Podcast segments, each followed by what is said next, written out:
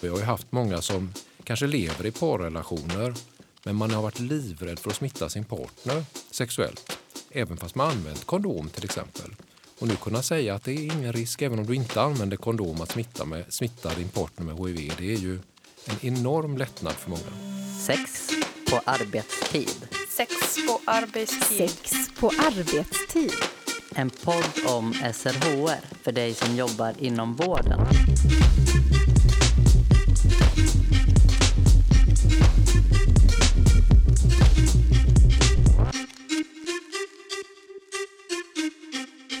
Snart är det första december, World AIDS Day. En dag då vi uppmärksammar hiv och visar solidaritet med alla som lever med hiv. Utvecklingen av hiv-läkemedel har varit otroligt framgångsrik och idag gör behandlingen att man kan leva länge och känna sig frisk.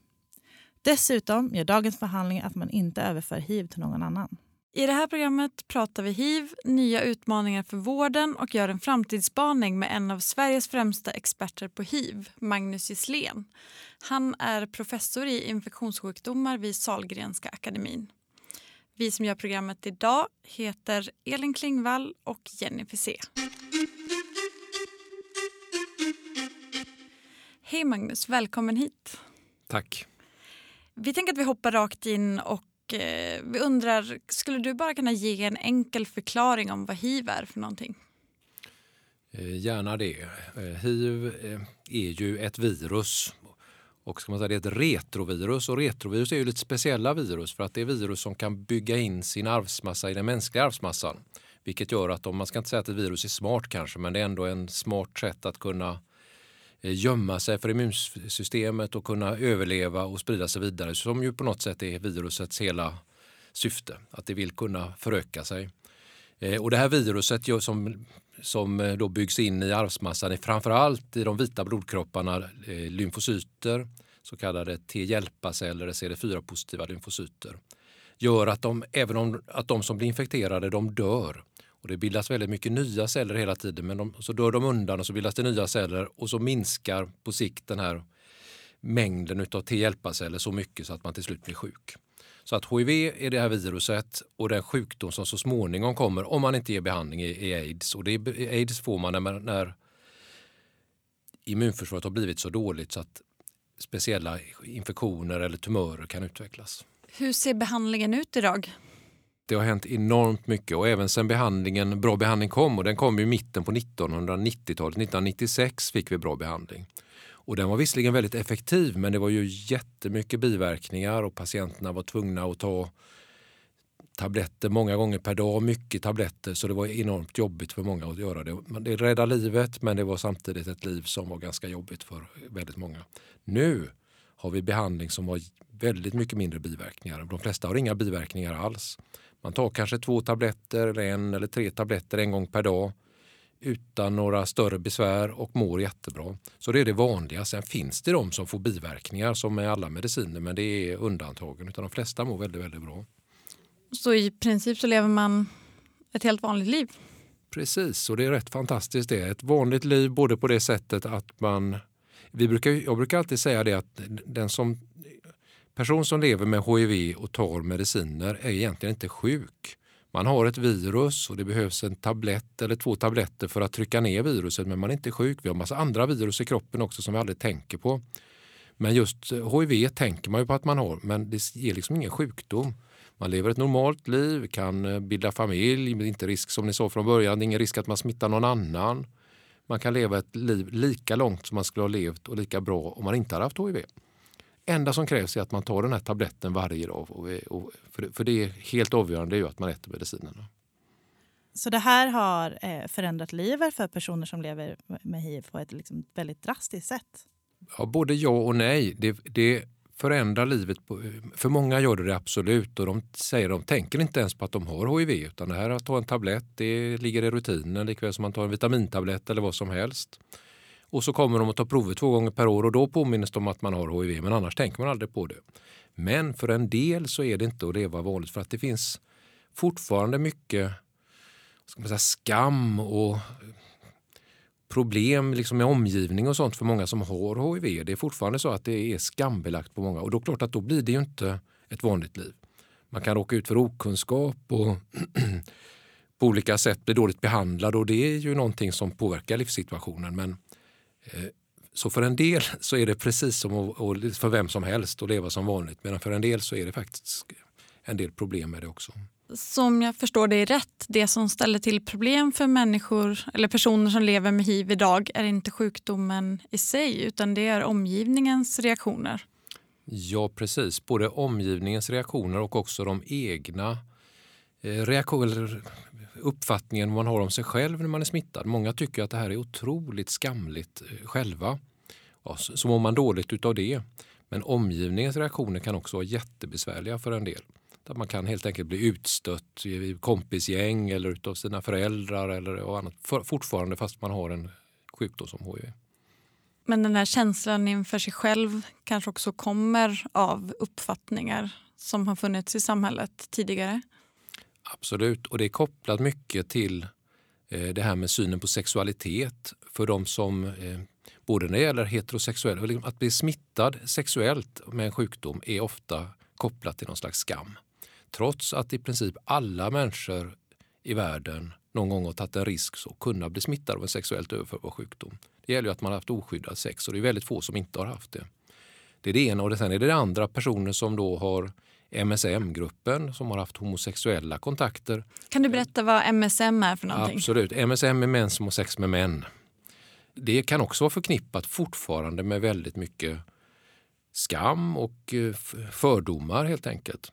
Det är ju jättemycket bättre. Under de här 30 åren eller 25 åren som jag har jobbat med det här så har det blivit väldigt mycket bättre. Både synen på MSM-gruppen, på homosexualitet och också eh, det här på smitta med sexuellt överförbara infektioner och sexuellt överförbara smittor. Men det är fortfarande så att det finns okunskap och fördomar.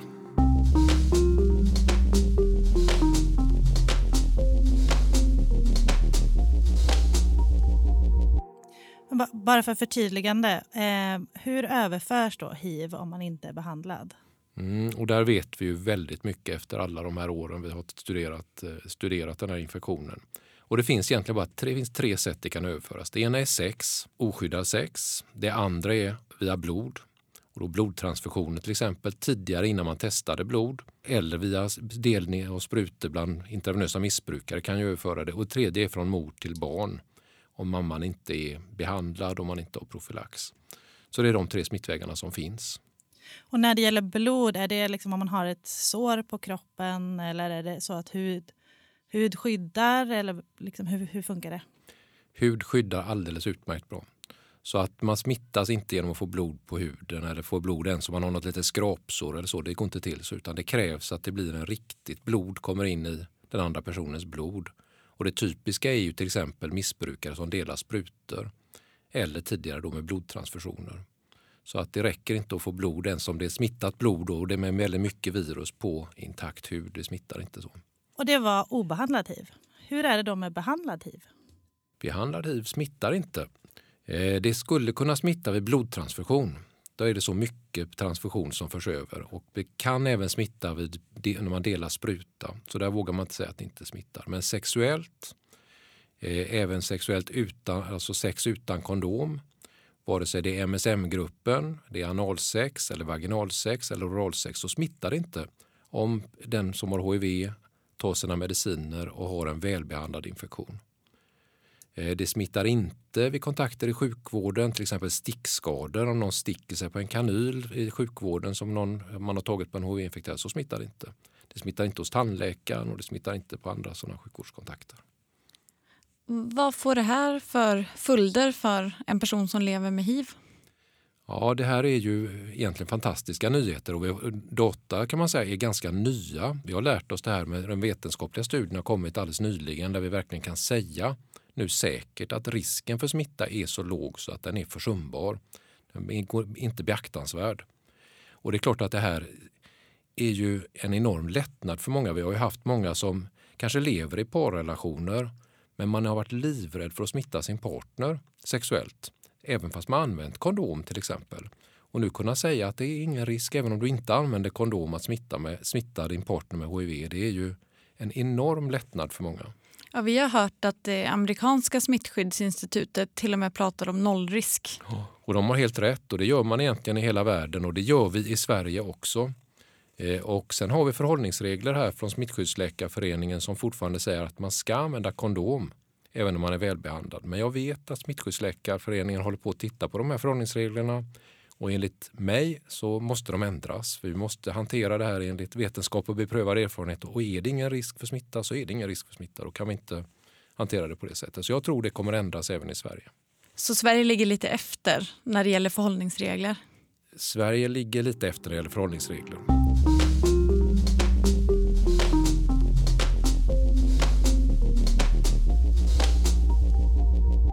När det gäller informationsplikt, alltså tidigare har man ju behövt berätta om att man lever med hiv eftersom det då fanns en risk för att hiv skulle kunna överföras till någon annan. Nu vet vi att det inte är så om man har en behandling. Hur måste man berätta då? Ja, då är det så här att då det har Socialstyrelsen sagt för några år sedan nu att har man en välbehandlad HIV och använder kondom då kan den behandlande läkaren lätta på informationsplikten så att man inte behöver berätta för sin partner att man har HIV. Så det är vad som gäller nu enligt förhållningsreglerna. Att man behöver inte berätta för en partner eller för en sexuell partner att man har HIV om man använder kondom. Det som är på gång då det är ju vad som händer om man inte använder kondom. Och det är klart, det är någon slags konsekvens av detta. Är det ingen risk så är det ingen risk. Då ska man inte heller behöva berätta. Så jag tror att det är där vi hamnar. Men än så länge så är vi inte där. Än så länge är inte förhållningsreglerna sådana. Och eh, vilken tidsram tror du att det handlar om? När, när, när kommer det här kondomtvånget att lyftas? Eh, jag kan bara gissa, men jag tror att det måste bli snart. Vi kan inte ha, en, eh, ha förhållningsregler som inte är, stämmer överens med den vet. Vi ska ju alltid hantera sak inom sjukvården. Vetenskap och beprövad erfarenhet pratar man om och det måste vi göra här också. Och finns det ingen vetenskap bakom så måste vi ändra på förhållningsreglerna. Hur väl känner vården till allt det här som händer på området? Enligt din uppfattning då såklart bättre och bättre men fortfarande finns det okunskap både inom vården och också utanför vården förstås. Men det här till exempel att det inte är smittsamt på det sättet, det är fortfarande inte välkänt. Vad beror det på? Bra fråga, men det är klart att samtidigt är det ganska nya data och det tar tid innan det här liksom kommer ut och att alla vet om det. Eh, och tyvärr är det så att det tar lång tid innan man ändrar sina uppfattningar. Man ska komma ihåg att obehandlad HIV är ju en smittsam sjukdom. Det får vi aldrig glömma att det gäller det klart att har man ingen behandling så är det stor risk att man kan sprida smittan eller om man slutar med behandlingen. Så, eh, och då gäller det att hålla det här i huvudet samtidigt som man då, om man har en välfungerande behandling inte smittar. Och jag tror att det är lite grann svårt, det lever kvar det här gamla, att en slags rädsla för smitta fortfarande. Men av de 7000 personer ungefär som lever med hiv i Sverige idag, hur många procent av dem är det som har en obehandlad hiv? Mm, det, det, är en bra fråga. Vi har alltså nästan, snart har vi 8000 personer i Sverige som lever med HIV. Och av dem har ungefär 95 procent behandling. Eh, och av de som har behandling så har ungefär 95 procent en välfungerande behandling. Eh, så det är den allra största majoriteten. Och de då som inte har behandling det är ofta sådana som precis har blivit diagnostiserade, precis fått sin diagnos och inte hunnit börja behandling ännu. Så nästan alla eh, med HIV har behandling. Eh, och det, det, är en väldigt viktig kunskap det där för att man ska säga för risker för smitta, det ligger inte hos de som har fått en diagnos att de vet om att de har HIV utan det är de som inte vet om sin diagnos som kan sprida smitta. Och då kommer vi in på, eh, snart är det ju första december och eh, eh World AIDS Day. Eh, en dag då vi uppmärksammar hiv. Eh, och årets tema på World AIDS Day är ju Know your status. Alltså att man ska ta hiv-test för att få reda på Eh, vilken hiv-status man har. Hur ser det ut i, i, i Sverige med testning? Där har vi fortfarande ett eh, problem tycker jag, att vi testar alldeles för lite. Eh, sjukvården missar uppenbara fall eh, där personer kommer in med symptom som beror på en hiv-infektion. Och man, man glömmer av att den här infektionen finns och så testar man inte. Eh, även personer som eh, egentligen själv kan vara oroliga att de har hiv vill inte testa sig ibland. Så att vi har ett problem att vi testar för lite och vi upptäcker infektionen i vissa fall för sent. Ja, vi har sett siffror på att det har varit så många som en av sex som har upptäckts så pass sent att man till och med har då utvecklat de här följdsjukdomarna som vi kallar aids. Stämmer det? Ja, det kan nog stämma och vi vet att ungefär hälften, eller lite drygt hälften, upptäcks egentligen när immunförsvaret ändå har hunnit försämras så pass mycket att det finns en risk med det. Eh, och det är ju alldeles för många. En del av dem är förstås sådana som kanske har kommit till landet först och, eh, nyligen och varit liksom, sjuka i sitt immunförsvar redan när de kom. Och då kanske inte så konstigt man upptäcks sent på det sättet. Men många har alltså gått i många år utan och med symptom ibland utan att man har antingen sökt för det eller sökt för det och ingen har förstått att det handlar om hiv och därför tagit något test. Vilka verksamheter inom vården är det som i högre grad borde testa? Det är alla verksamheter. Primärvården definitivt och primärvården har en unik chans att hitta de som är nysmittade. För då är det så ungefär drygt hälften av alla som smittas med hiv utvecklar symptom. Ofta inte så allvarliga men man kan få feber, utslag, ont i halsen, sådana lymfkörtlar och så. Och då gäller det att tänka på detta i primärvården att det kanske skulle kunna vara en hiv-infektion att testa. Väldigt frikostigt testa. Men det är även sjuk, alltså inneliggande sjukvård på sjukhusen där man kommer in personer som kanske har någon annan sjukdom som skulle kunna vara orsakat av ett dåligt immunförsvar och då glömmer man också att testa. Så att det, är där, det finns en brist där i Sverige med testning och det är inte bara i Sverige, det gäller i hela, egentligen hela Europa och hela västvärlden. Vad tror du behöver göras för att förändra det här? Och enda är att, att kunskapsnivån ökar. Det är det enda sättet. Och hur det ska göras, det, det vet jag inte. Vi har hållit på med det här i så många år och jag vet inte, lite bättre har det blivit men det går väldigt långsamt.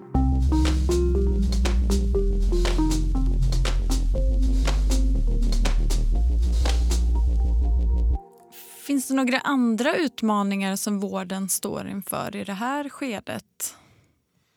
Ja, det är klart att det gör det. Eh, det som, Eh, det som är väldigt positivt i detta det är ju att nästan alla som får diagnosen hiv överlever och som sagt de mår bra och de lever ett normalt liv. Men de måste samtidigt kontrolleras. Man måste ha mediciner, man måste kontrolleras med blodprover eh, regelbundet. Och det är klart, ju fler det blir desto mer resurser krävs för detta även om man är friska. Det är klart det krävs mottagningsverksamhet och sånt som kan ta hand om det. Det är det ena och det, det är en utmaning. Det andra är ju att en person som lever med hiv åldras på, som alla andra och ju äldre man blir desto större risk är det att man får andra sjukdomar. Och det är klart kommer andra delar än infektionsklinikerna in i vården av de här personerna som måste behandla olika typer av, av eh, åldrandets sjukdomar. Och eh, det ställer ju krav på att man har kunskap om hiv. Det finns en del interaktioner mellan olika läkemedel och att de inte går att ge samtidigt till exempel. Och det måste man känna till och ha kunskap om. Så att det finns en del utmaningar för sjukvården framöver.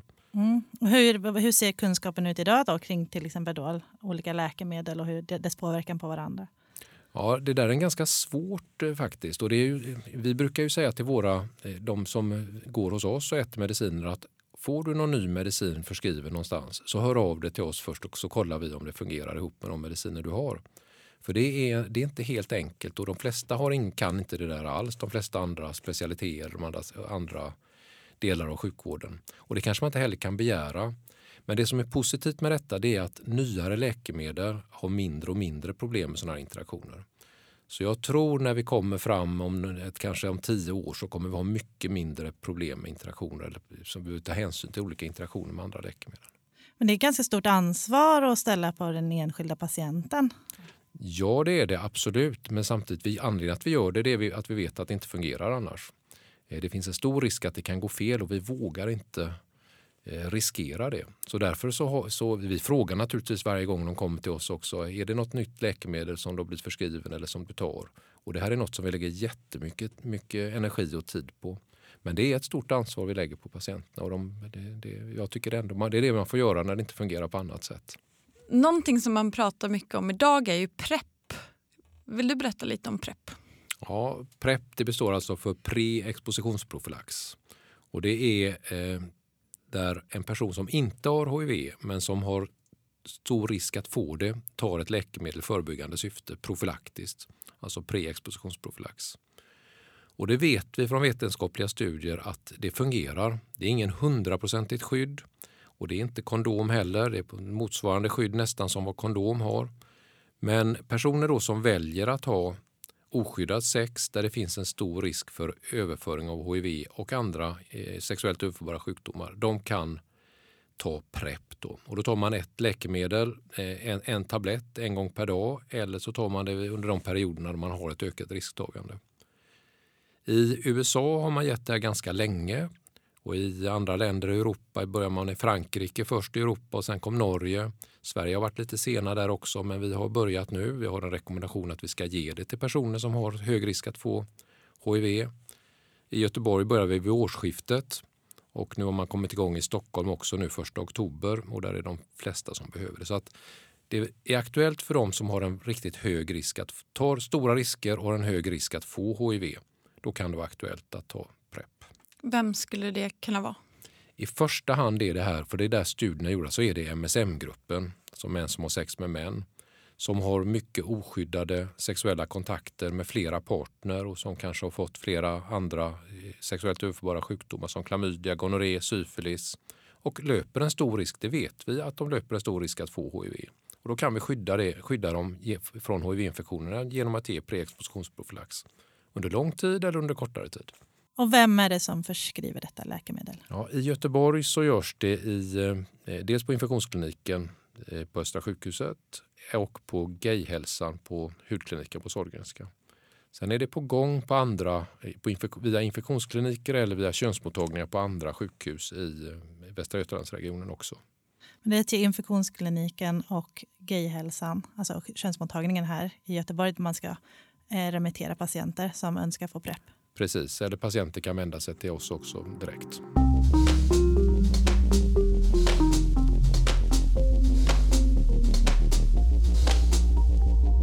Vi har ju varit inne på det flera gånger idag att eh, kunskapen generellt behöver ökas, generellt i samhället och också inom vården. Eh, hur ser bemötandet idag ut inom vården av mm. personer som lever med hiv? Eh, bemötandet är generellt sett är enligt min uppfattning väldigt bra. Men det finns undantag och varje undantag är ett stort problem därför att det drabbar de här personerna så otroligt hårt. Eh, man har en sjukdom, man har en kronisk sjukdom som man dessutom måste och är tvingad att gå till sjukvården för. Och då har man rätt att kräva att bli bra bemött.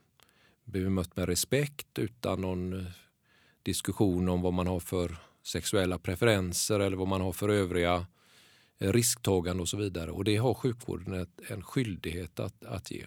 Och I de flesta fall så fungerar det väldigt bra. Och många, eh, vi har väldigt många medarbetare som är jätteduktiga och är oerhört dedikerade och, eh, till den här gruppen och gör ett fantastiskt jobb. Men det finns undantag och varje undantag är ett problem.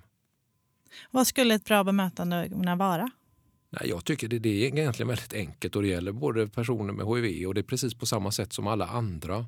Eh, och det kan jag tycka är en viktig del där att hiv ska bemötas. Eh, det är liksom inte en sjukdom som är något väldigt speciell utan det ska bemötas på precis samma sätt som vem som helst. Om man har en diabetes eller om man har någonting annat. Det är precis samma bemötande. Med respekt och utan några pekpinnar eller någonting annat. Vi vet till exempel att många som söker vård för kanske någonting helt annat upplever liksom att hiv-diagnosen hamnar i fokus i vårdmötet trots att det var något annat man sökte för. Känner du igen det här? Ja, det får jag höra från en del av mina patienter också. Eh, och det är tyvärr så. Och det tror jag beror på att ibland så är det Eh, det, det, är inte så vanligt ändå med, med hiv och en del inom sjukvården har kanske inte stött på så många med hiv och då blir det där någonting som blir väldigt intressant och kanske lite skrämmande och så kommer det i fokus. Helt, vilket är helt felaktigt förstås för att är det så att man söker för någonting som inte alls har med det att göra så ska det överhuvudtaget inte, det har inte någon betydelse. Ibland kan det ha betydelse men det, det ska eh, förstås för att vad man äter för mediciner kan ha betydelse för andra sjukdomar och så vidare. Men men i det stora hela så ska det ju inte förstås inte ta fokus från det man egentligen söker från. Vad ska en vårdpersonal tänka på i ett sånt möte? Mm, söker en person med hiv vården för något helt annat än sin hiv-infektion så ska man behandla den personen precis på samma sätt som man skulle gjort om någon inte hade hiv. Det är ingenting som har någon betydelse för vården och det är ingenting som ska, heller ska ställas för fokus på vid besöket. Samtidigt har vi pratat tidigare idag om att, att det kan finnas mediciner som, som påverkar varandra. och så. Om man lyssnar på det här programmet, eh, till exempel vård, som vårdpersonal, vi, alltså vil, i vilka lägen ska man remittera till er på infektion till exempel? Och i vilka lägen så kan man eh, lösa det själv? Mm, det där är en bra fråga. Det vi gör förr när vi hade eh, tidigare så gjorde vi så att vi egentligen skötte allting som eh, vi som skötte eh, personer med HIV. Vi skötte alla sjukdomar, alla medicineringar. Men det fungerar inte nu när vi har så pass många personer som går hos oss. Och då eh, remitterar vi ut till vårdcentralerna så att man ska, ha varje person ska ha sin egen vårdcentral och sin egen doktor på vårdcentralen som kan sköta andra saker. Ibland fungerar det jättebra, ibland fungerar det inte alls bra. Eh, och det är klart att eh, för oss som sköter HIV är det väldigt viktigt att veta vad som händer. Är det någon annan sjukdom som behöver behandlas så vill vi gärna veta det. Ofta kan man sköta det utan att kontakta oss men vi vill gärna ha en, liksom en bekräftelse sen eller få någon papper sen på vad som har hänt så vi vet vad som har hänt. Eftersom vi ändå är någon slags spindeln i nätet när det gäller de här personerna så är det bra att vi vet om det. Men det mesta som inte har med HIV att göra kan ju skötas på andra ställen. Med hänsyn tagen till, att, till vad man står för mediciner om det är något speciellt man behöver tänka på när det gäller det. Men det är väldigt enkelt. Det går bara att lyfta telefonen och ringa så kan man få besked om det är någonting man behöver ta hänsyn till. Så om man blir osäker då kan man ringa er? kan man alltid ringa.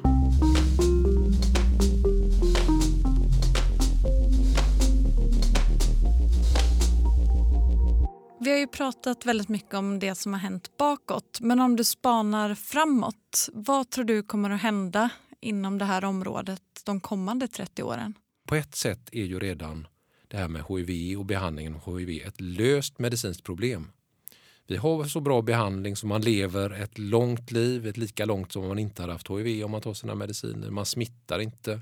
Kvinnor med HIV kan få barn. Eh, det, är liksom det, det mesta är redan löst.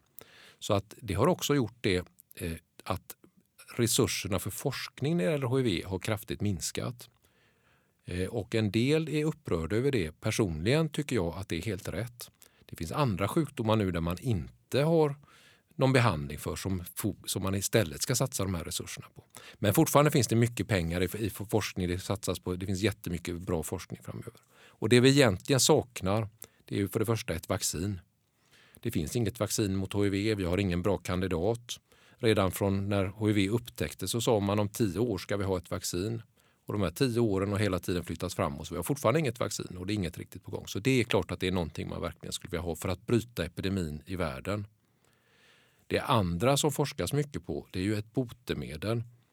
Personer som har HIV vi kan behandla bra men så fort man slutar med medicinerna så kommer viruset tillbaka om man blir sjuk. Så det är klart, skulle man kunna ha ett botemedel så man kunde sluta med mediciner skulle det vara fantastiskt.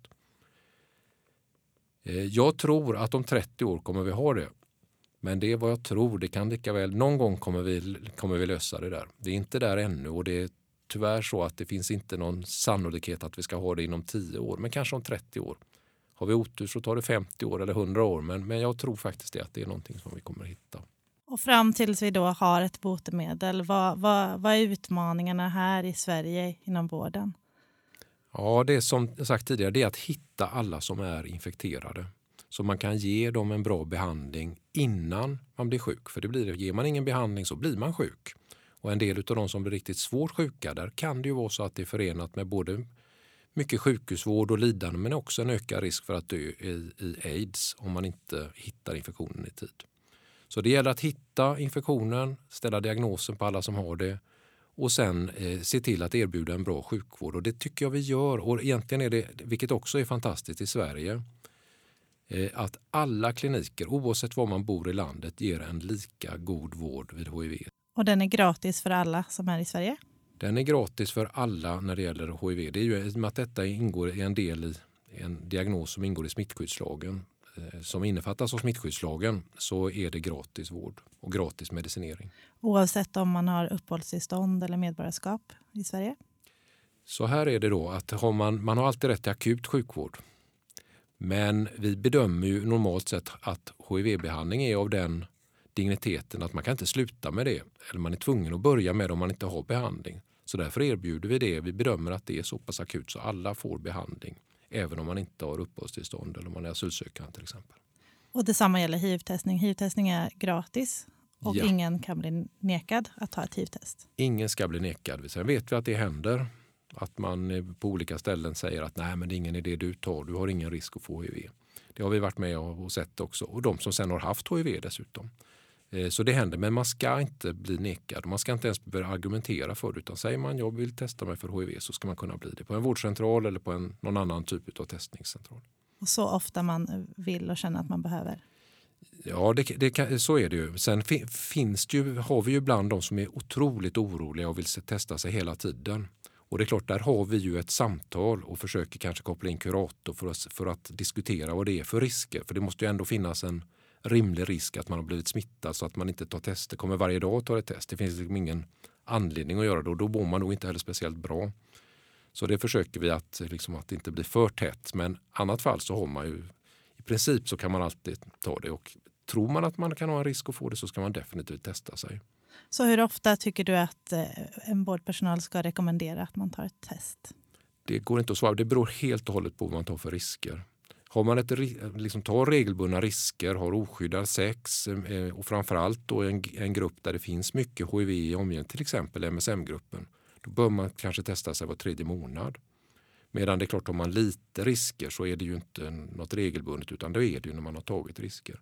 Men det viktiga är också att tror man eller är orolig för att man har hiv så är det mycket bättre att testa sig.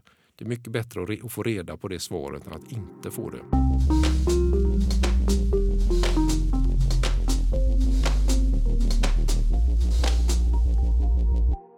Vi brukar alltid avsluta våra program med att vår gäst får ge tre tips till andra vårdgivare. Eh, skulle du vilja ge dina tips? Absolut, det ska jag göra. Och det första tipset är att man ska tänka på hiv. Eh, personer som kommer in till vårdcentral eller till sjukhus och där det är någonting, så att man har hiv i bakhuvudet. Att kan det här vara en hiv-infektion? Så man inte glömmer det. Och det, hiv drabbar inte bara de som tillhör de så kallade riskgrupperna utan alla kan bli drabbade. Alla som har haft oskyddad sex någon gång kan få en hiv-infektion. Så därför tänk på hiv om det är någon som kommer med ett symptom som skulle kunna stämma med en hiv-infektion eller en primär hiv-infektion. Men Det är det första. Andra tipset är att vara frikostig med testning. Det är aldrig något problem att testa. Ibland kan det vara så att vårdpersonal kan tycka att det är jobbigt att testa för hiv därför man behöver informera om att man tar provet.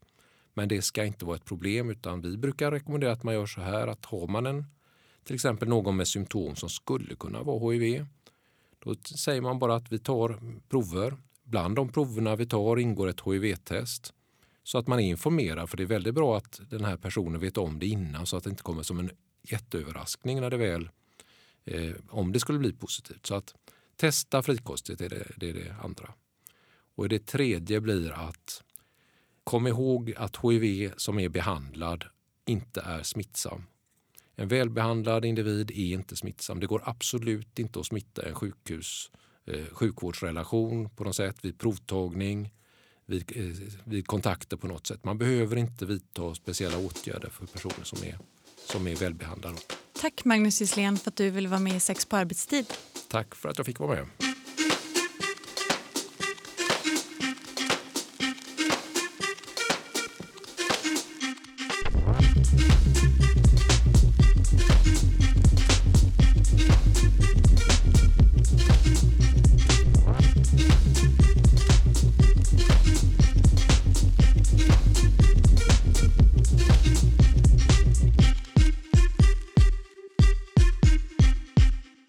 Har hört Sex på arbetstid. En podd av och med Jenny C, Elin Klingvall och Anna Skoglund på Närhälsan Kunskapscentrum för sexuell hälsa, en del av Västra Götalandsregionen. Podden finns på närhälsan.se ksh och srhr.se. Sex på arbetstid produceras av Malin Holgersson på uppdrag av Närhälsan Kunskapscentrum för sexuell hälsa.